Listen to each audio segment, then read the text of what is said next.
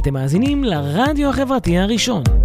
ועכשיו, חיות בדיגיטל, על החיים הדיגיטליים של כולנו, בהגשת נטלי רוגל, ורק אצלנו, ברדיו החברתי הראשון. שלום לכולן ולכולם, צהריים טובים, ברוכים הבאים לפרק נוסף של חיות בדיגיטל, תוכנית על החיים הדיגיטליים של כולנו. בכל תוכנית נדבר על תחום מהותי בחיינו מהזווית הדיגיטלית שלו ועל ההשפעה שלו על החיים של כולנו.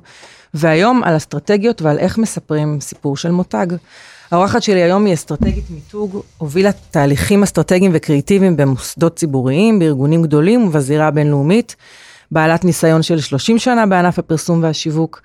יש לה תואר שני בפסיכולוגיה חברתית תעשייתית מאוניברסיטת בר אילן, והייתה לה פינה שבועית ברדיו 103, עטרה בילר, מה העניינים? מה העניינים, נטלי? בסדר גמור. אז אני שמעתי הרצאה שלך מאוד מאוד מעניינת, שדיברה על הקשר בין storytelling לאסטרטגיה. ואני רוצה ש... מעניין אותי שנדבר על זה קצת. זה כאילו, זה, זה עולם ומלואו, ואני יודעת שיש, שאנשים לא כל כך יודעים להבחין מה ההבדל בכלל. אז מכיוון שאני נותנת על זה הרצאות, אז אני קודם כל אתחיל באמירה נורא נורא קצרה, ואני אגיד שהסיפור הוא הקצה המקורמל, המתוק, המפתה של אסטרטגיה, שאסטרטגיה לא לקוחה מתורת המלחמה. ואנחנו לא אוהבים מלחמות, ואנחנו לא אוהבים, לא כשנלחמים בנו ולא כשנלחמים עלינו, אז מספרים לנו סיפורים, ואנחנו נופלים בפח הזה בתור צרכנים. אבל זה צריך להיות הסיפור הנכון, ולכן הוא בעצם, מאחוריו יש אסטרטגיה שלמה.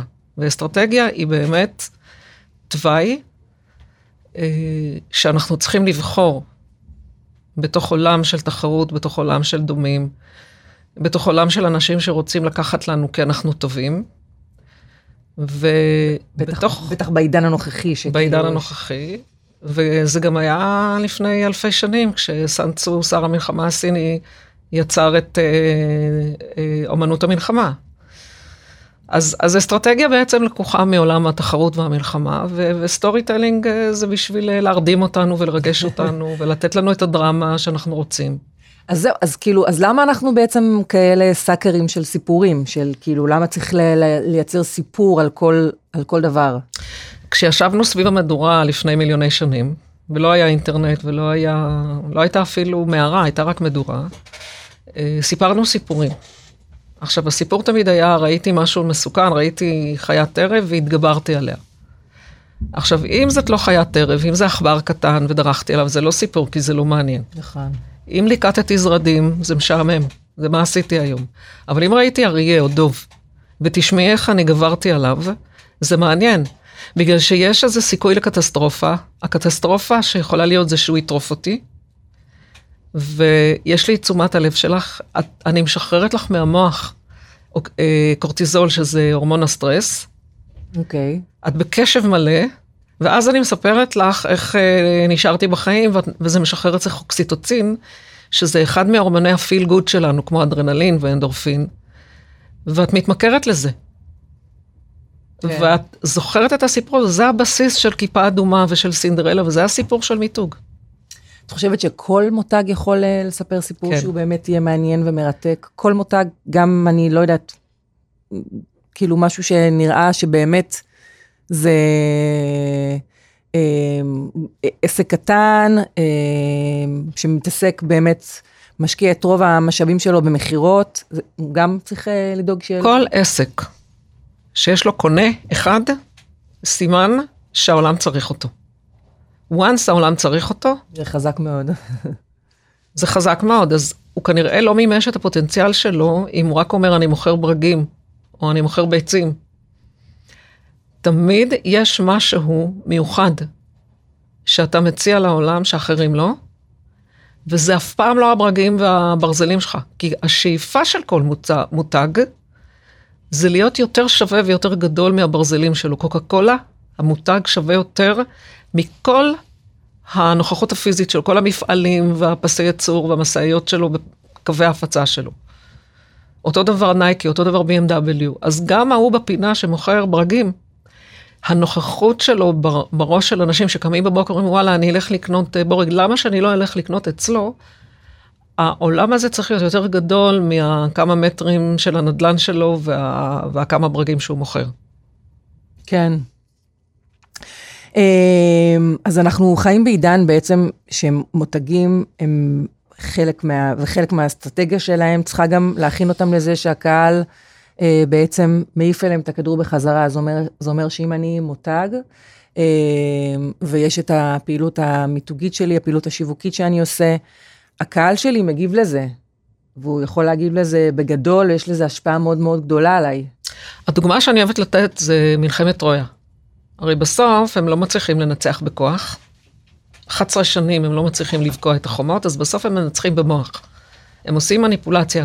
הסוס של טרויה זה מניפולציה נכלולית. כי מבחוץ הוא נראה כמו מתנה, ומבפנים יש את החיילים שבאבנטואלי קופצים את טרויה. עכשיו, מה שמעניין בסיפור הזה, זה שהטרויאנים פותחים את השערים והם מושכים פנימה את הסוס. וזה בשבילך תשובה לשאלה שלך, זאת אומרת, אנחנו מכניסים פנימה לתודעה שלנו את, ה, את הנרטיב של מותגים. אף אחד לא דוחף לנו, אף אחד לא מכריח אותנו. לגו. כן. לגו זה מותג, זה, זה מוצר שהוא, שהוא מסוכן בגלל שהוא כאילו לא מפעיל בכלל את הדמיון. נותנים לך חוברת הפעלות, והילד שלך מרכיב, לא יודעת מה, ספינה. היום בעידן שאנחנו רוצים לפתח את הדמיון, לגו נמצא בסיכון, אז המותג... חייב להתאים את עצמו. הוא עושה הפוך על הפוך, הוא בא והוא מקדם את הדמיון, ומה הוא אומר? הוא אומר, תתמרדי. קנית uh, קופסה שיש בה ספינת פיראטים, את יכולה לעשות מזה חללית, הנה ככה. הוא יכול להגיד לך, את יודעת מה, קחי חתיכה אחת ועוד אחת, תשים איזה צלב, אבל תדמייני שזה אווירון. כלומר, הוא בא והוא, הוא בא והקטסטרופה של, של לגו, זה שאנחנו כולנו נהיה אה, אה, מרובעים ו-by the book. והוא לא רוצה את זה, אז הוא שובר, שם הוא עושה את השבירה. ושם הוא מכניס מתח ודרמה לתוך הסיפור שלו. אבל זה רק הסיפור שלו, כי בסוף המוצר זה אותו מוצר. כן. המוצר בעצם לא, עשה, לא עבר איזשהו שינוי, הוא נכון. עשה סוג של אדפטציה. נכון. איזה עוד מותגים את מכירה שבאמת, אה, מה שנקרא, השכילו לעשות את השינוי הזה? תסתכלי על Airbnb. הרי הנושא של סאבלט קיים לפני האינטרנט. אנשים אומרים, ניסע למקום אחר, אבל במקום מלון, שזה נורא יקר, אנחנו נשכור לעשרה ימים דירה של בן אדם.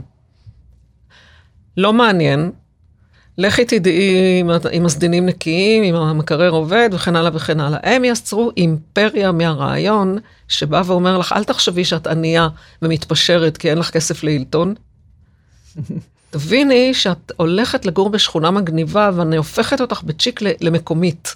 וכשהם אומרים belong anywhere, הם מספרים לך, הם אומרים לך, מה הקטסטרופה? הקטסטרופה או, או, או, או הבעיה, הבעיה בסיפור, בכל סיפור יש בעיה, שאת מגיעה לארבעה ימים לברלין ואין לך מושג אפילו איך את קונה את הכרטיס לרכבת, ואת פתאום מרגישה זרה, ומרגישה לא שייכת. ואני אומרת לך, אני זאת שמבינה את זה, ואני זאת שרוצה לתת לך מההתחלה להרגיש שייכת במקומית. הנה, אה, דירה קטנה ומגניבה בשכונת קרויצברג, למטה יש לך אה, מועדון ג'אז, יש לך את הבית קפה המהמם הזה של המקומיים. איפה יש לך מרפסת מגניבה, את יכולה לשבת, כאילו... איפה תגיעי לזה אם את uh, הולכת לסוויטה של uh, הנשיאותית של הריץ, נגיד? אז זה למשל מותג ש... שהפך את הבעיה שלו להזדמנות, וה-Belong Anywhere של Airbnb הפך לאימפריה. כן, חד משמעית. האמת היא שזה באמת כאילו מותג שעבר, כאילו, שהשיטה שה... שלו היא מדהימה. ברור, כי בסופו של דבר סאבלט זה לא... זה כאילו, זה נשמע כזה דאונגריד קצת. לא, זה גם גנרי, כלומר, יש המון המון המון המון אפשרויות לעשות סאבלט, אבל המערכת שהם בנו והסיפור שהם מספרים לך, ואז הם גם מייצרים לתוך זה מוצרים חדשים. למשל, שכרת סאבלט באדינבורו, אז יש להם אפליקציה שהם נותנים להוסט, למארחת שלך, לאיזו אישה שאת זוכרת ממנה את הדירה, את האפשרות לדעת מתי נחתת, ואז היא אומרת לך, אוי, אה, ברוכה הבאה. אבל את יודעת, עכשיו סגרו בדיוק את המסעדה המהממת בפינה, אבל תפני ימינה שני רחובות, יש מסעדה אחרת שעוד פתוחה. את אומרת, וואו, למה, למה מגיע לי כל הטוב הזה? כן, גדול. מדהים. אמ, בואי נדבר על מיתוג של סטארט-אפים. זה בעצם, אנחנו מדברים כאן על, על מוצר או על שירות דיגיטלי, וגם המון פעמים על מיתוג שנעשה לטובת uh, גיוס בכלל. זאת אומרת, uh, לטובת הבאת uh, משקיעים. מה, מה את חושבת על זה? גיוס משקיעים, גיוס עובדים, הצעות ערך שזה תכלס מוצרים, פרסומות, הם כולם כפופים לאותו סיפור. כן. כולם צריכים להרטיט באותה נקודה, זאת אומרת, שאם למשל את רוצה לעבוד ב-Airbnb, את צריכה, אנחנו, אנחנו ב-Airbnb, הלוואי וזה היה אנחנו, אנחנו אומרים לך בואי תרגישי שייכת כעובדת. אם את אמורה, אם את אה, אה, אה, משקיעה למשל, אז אני צריכה לגעת לך בעצב ה-foreigner belongingness. בעצב הארנק. שבסופו של דבר זה פותח את הארנק. כן. אבל הארנק נפתח בעקבות רגש מסוים. כן, חד משמעית. אז בעצם, כאילו, זה נכון מצד אה, סטארט-אפים אה, להקצות אה, חלק גדול מהמשאבים שלהם בתחילת הדרך לטובת גיוס, גם של עובדים, גם של משקיעים? אני אצטט את אחד הסטארט-אפיסטים הראשונים, ראשונים, ראשונים, אני לא רוצה להגיד את השם שלו, אבל הוא אמר לי, הלוואי ואני לא אצטרך אותך. כי אני אמציא איזה אלגוריתם או איזה device ש, שאין שני לו. שאין בכלל כאילו עניין, כן. לא צריך לו מיתוג ולא זה. באים ישר. לעשות את האקסיט, אומרים זה עושה ככה ואתה מקבל 400 מיליון. אבל זה לא ככה. כן. כי היום מה שנקרא product parity, כולם great mind think alike. זאת אומרת, אם לי יש איזה רעיון גדול, גם לך יש רעיון גדול שמאוד דומה לרעיון שלי. ולכן אני צריכה, מנצח מי שמספר את הסיפור. כן. זה לא קשור לפרסום. זה קשור ל- למשוך את הקהל שלך למצב שהוא במתח נוראי, לגייס אותו לתוך דרמה, ולתת לו פתרון כמובן בדמות הסיפור שלך, בדמות המותג שלך, ובדמות הסטארט-אפ שלך. כן. אמ, אוקיי, בואי נדבר על קמפיינים מרשימים, כאילו הייתה לך פינה ב-103, שמעתי כאילו כמה מהביקורות, האמת היא שזה כאילו, זה מגניב לאללה. אה, באמת לבקר פרסומות, ואני כאילו מרגישה, אני לא יודעת, יכול להיות שזה, שזה רק אני, אבל כאילו אני מרגישה שממש כאילו כיף לי לצפות בפרסומות, כאילו זה משהו שממש הולך ומסת... ומשתפר בפני עצמו. פעם זה היה כזה מעיק, זה משהו שאנחנו מעבירים, לא, בכלל אין לנו שום עניין בזה, ועכשיו כאילו יש דברים מדהימים. הנחת היסוד של מותג זה לעצב רגש באקו סיסטם, בחוץ, האנשים בחוץ. לא להגיד אנחנו עושים ככה וככה ואנחנו בחברה טובים בזה וזה. אנחנו רוצים להוציא את הבן אדם הרגיל מדרכו. מה זאת אומרת? שאם אני לא נותנת לך בידור טוב, ואם אני לא מתחרה בברק של הפרסומות, בבידור שאני, שלפניי ואחריי, אז את הולכת להכין קפה או שאת הולכת לעשות פיפי. כן. אם אני מספקת לך בידור טוב, ואני משעשעת אותך, שאני מעניינת אותך, שאני מרגשת אותך, אז את איתי. ברגע שאת איתי, את גם כן בסופו של דבר תתרגשי מהמותג, ואיבנטשלי גם כן תהיי אה, צרכנית שלו. אוקיי. Okay. גם כן אה, סטטיסטית לגמרי, מתמטית, אה, התרגשות ואהדה לפרסומות מנבאת אה, צריכה. הצלחה, הצלחה וצריכה של המוצר. צריכה ונתח שוק, זאת אומרת, זה תמיד מקדים את הנתח שוק, אבל אי אפשר שיש לך רמת אה, אהדה והיכרות גבוהה עם פרסומת ובסוף לא קונים. אבל אני לא צריכה שתקני מחר בבוקר. אני בונה קהילה. זה לי בראש. פרסום בונה קהילה. נגיד, המון אנשים נמצאים בקהילה של אפל, בלי שיש להם מכשיר אחד של אפל בבית. אבל המטרה של המיתוג והפרסומות, עכשיו אין כל כך פרסומות, כי אני, אני אוהבת איך שהם עובדים, אז זה לא משנה, אבל תקשורת שיווקית של אפל היא כל כך טובה, שמספר האנשים שאוהבים את אפל ומדברים על אפל ומעריצים את אפל, הוא יותר גדול מאנשים, מהצרכנים בפועל, וככה יש להם לאן לצמוח. כן, בכלל בחרת, כאילו זה, האמת היא שאפל זה דווקא סטאדי קייס מאוד uh, מעניין, כי זה באמת מותג שהוא מצד אחד מאוד מאוד נחשק, מצד שני, אני חושבת שזה אחד המותגים שאני הכי פחות נחשפת אליהם בדיגיטל וזה, כאילו אני רואה את סמסונג, אני רואה המון המון מותגים מתחרים, ושעושים פעילויות, משפיענים, פעילויות רשת וזה, ואפל הם כאילו, את יודעת, עומדים בצד ומה שנקרא גורפים, uh, גורפים מחמאות. שאלה טכנית של מדיה. של מדיום, זה בכלל, זה, זה, זה, זה דרך מה הם מגיעים אלייך. זה יכול להיות דרך פרסומת, זה, דרך, זה יכול להיות דרך מהלכים דיגיטליים, זה בכלל לא משנה, זה יכול להיות דרך המצגת פעם בשנה של, אה, אז היה סטיב ג'ובס, עכשיו זה טים קוק, זה לא משנה. הגיעו אלייך, כל הכבוד להם. כן. פייסבוק מגיעים אלייך, את הרי נמצאת ביום 40 פעם בפייסבוק. חד משמעית. הם לא צריכים לעשות פרסומת בערוץ 12 או 13, זה בכלל לא משנה, זה, זה שאלות טכניות קטנות. אוקיי, okay, יש איזשהו קמפיין שרץ, אה, שהוא נראה לך מעניין, נראה לך משעשע, עושה את העבודה? תראי, קודם כל אני שנים מנתחת פרסומות, כי פרסומות זה מה שאנשים רואים, ואז אני, אני עושה reverse engineer, אני, אני מבינה כאילו מה הייתה האסטרטגיה. כן. אני, בעוונותיי, הייתי מהראשונים שעבדו ב-yes, ובנו את המותג הזה. והסיפור היה שההנהלה אמרה לי, תגידי, את, את לא מבינה שזה טכנולוגיה לוויינית, אה, חלל חיצון, את, את, את צריכה עוד משהו בשביל... אה, עוד משהו מיוחד, כאילו, כן. בשביל... אה, ואמרתי, אנחנו לא נדבר בפרסומות על החלל החיצון, אנחנו נדבר על חוויית האסקפיזם שטלוויזיה נותנת, וכל הפרסומות של יס, מאז ועד היום, לא מראות מכשיר, סלון, אנשים, רואים, אלא תמיד מביאים לך את, ה, את הסיפור, את האסקפיסטיות. זה יכול להיות היום עם נועה קירל, וזה יכול להיות לפני 20 שנה, אה, הפרסומות של... אה, חשבת שאת רואה קטע מ Apocalypse Now, או קטע מהטיטניק, והתברר שזה פרסומת ליס. כן. ואני חושבת שכל הפרסומות של יס מאז ועד היום, אה, מוכרות את החוויה הנטו, בלי להתעכב על הצעות הערך. בסוף כמובן הקריין יכול להגיד, מחירים, חבילות, זה לא משנה, זה בסוף. נכון, זה, זה מעניין מה שאת אומרת, כי זה באמת אה, מסוג המותגים שאיך שמתחילה הפרסומת, אתה פחות או יותר יודע שזה פרסומת שלהם. כאילו, יש שם איזשהו משהו שהוא מאוד עקבי בזה, כמו שאת אומרת. אה, כמו אה, אה, הפרסומות של הסופר פארם, שאני מאוד מאוד אוהבת אותם, כאילו הכי... אני, אני לא יודעת אפילו איך להגדיר את זה, יש שם משהו שהוא מאוד מאוד פיין וזה, וזה גם, אתה כאילו יודע שזה פרסומת של סופר פארם. סופר פארם עושה בדיוק את מה שאמרתי קודם, הם יותר גדולים מהברזלים של עצמם. מה הם מוכרים? תמרוקים, חומרי ניקוי, פסמים, איפור, אצטרה אצטרה, לפעמים אה, דברים מיוחדים לתינוקות. אבל זה מוצרים לפעמים שאת יכולה למצוא בכל מקום, אני לא מדברת נכון. על המותג לייף. נכון.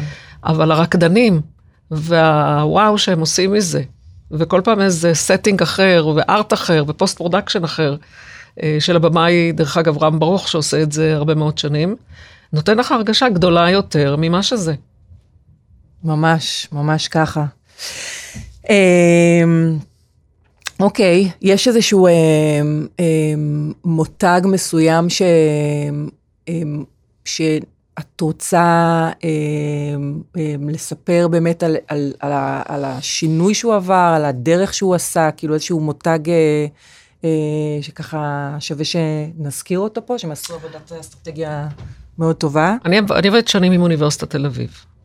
ולמה אני חושבת שעשינו שם עבודה טובה? כי אוניברסיטת תל אביב, קודם כל, היא בסך הכל אוניברסיטה. זאת אומרת, אתה בא, ואתה לומד, ואתה עושה שם תואר. עכשיו, מה הבעיה של אוניברסיטת תל אביב? א', נורא קשה להתקבל. ב', נורא קשה שמה, כי, כי זה נורא מאתגר, זה אווירה נורא מאתגרת, זה, זה לימודים מאוד על רמה. והבעיה השלישית זה התחרות, זה מה שאמרתי בהתחלה. כאילו, אם אני לבד, אז את תלויה בי, אבל אם אני לא לבד, אז את בורחת ממני. אנחנו בעצם יצרנו אה, סיפור, הפכנו את הבעיה להזדמנות. זאת אומרת, אם אתם, כל מה שמעניין אתכם זה לחקור, ופחות מעניין אתכם להיות, להתנחמד לסטודנטים, אז בואו נעשה עניין מהמחקר. ובואו נוכיח לאנשים שבכל בן אדם על פני כדור הארץ יש חוקר. ומה זה חוקר אם לא בן אדם סקרן? למה? כי חוקר מחפש משהו שהוא לא יודע, לא משהו שהוא יודע. הוא לא ממחזר משהו שהוא יודע. ויצרנו בעצם את הסיפור של בעקבות הלא נודע. אז תחשבי על תום וג'רי, שכל הזמן יש מרדף, והם לא תופסים בסוף. כי אם אני מגלה דבר אחד, מה, מה קורה לי אם אני חוקרת אמיתית? מעניין אותי הדבר הבא שאני לא יודעת. כן. וזה בכל תחום. עכשיו, בכל פקולטה ופקולטה ופקולטה, מצאנו את הלא נודע שלה, מדעי החיים יש לה לא נודע שונה מאשר הנדסה, מאשר מדעי כדור הארץ, מאשר סיעוד. וידנו נטויה, ובעצם לקחנו אוניברסיטה שלמה, ובמקום להתנצל, אנחנו מוסד חוקר, אנחנו לא מי יודע מה בללמד, אנחנו באים ואומרים, בואי ונהפוך אותך לסקרנית. מדהים. האוניברסיטת תל אביב יצאו באיזשהו קמפיין טלוויזיוני, או שזה היה איזשהו מהלך? לא. הם יוצאים בקמפיינים לימים פתוחים, הם יוצאים. בקמפיינים אונליין, זאת אומרת, הם לא סתם זורקים כסף על. מה, ש... מה שקראנו לזה פעם קמפיין תדמית. כן. לוקחים את מה שאני אמרתי ויוצקים את זה לתוך מסרים ספציפיים. ואם יש לך סיפור טוב, אתה יכול להכניס אותו למה שאתה רוצה. אם מחר אתה מוכר קורס של שלושה חודשים בקיץ, אז אתה מכניס את בעקבות הלא נודע לתוך הקורס של שלושה חודשים בקיץ. אתה משתמש בזה בשביל כל מה שאתה רוצה. אתה רוצה להביא אנשים ליום פתוח. אתה רוצה לספר שיש לך תואר מקוצר, זאת אומרת, יש לך כאילו מוצרים, מה שקראתי לזה קודם, הברגים והברזלים אבל אתה מספר את זה דרך ה... בעקבות הלא נודע, ואז זה, זה נשמע אחרת, ולא תשמע, אני רק רוצה למכור לך קורס של כן. שלושה חודשים. אז בעצם האסטרטגיה שלהם היא בוא להיות, בוא, בוא תראה איך אתה יכול, איך אנחנו יכולים להפוך אותך להיות סקרן. כן, במקום להגיד לך, בואי, אנחנו אה, נאביס אותך בידע. ונלמד אותך, ונלמד אותך, ואת תדעי יותר, תדעי, כאילו, תשמיני מבחינת ידע, אז אנחנו אומרים לך, בואי, תתרגלי את הדבר הזה במוח שרוצה לשמוע עוד.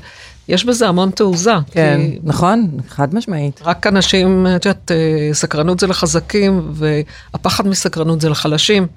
כלומר, יש בזה גם משהו יפה להיות סקרן. כן. יש לזה סקס אפיל להיות זה סקרן. גם סוג של, אה, נראה לי, פריבילגיה אפילו להיות סקרן. נכון. נכון. נכון. טוב, מעולה. עטרה, הזמן שלנו נגמר בעיקרון.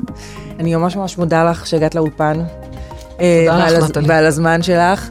אני מאחלת לכולכם חג שמח, זה אנחנו ככה יומיים לפני פסח. אנחנו נשתמע אה, בעוד אה, שבועיים, תוכנית נוספת של חיות בדיגיטל. בינתיים תשמרו על עצמכם. ביי ביי.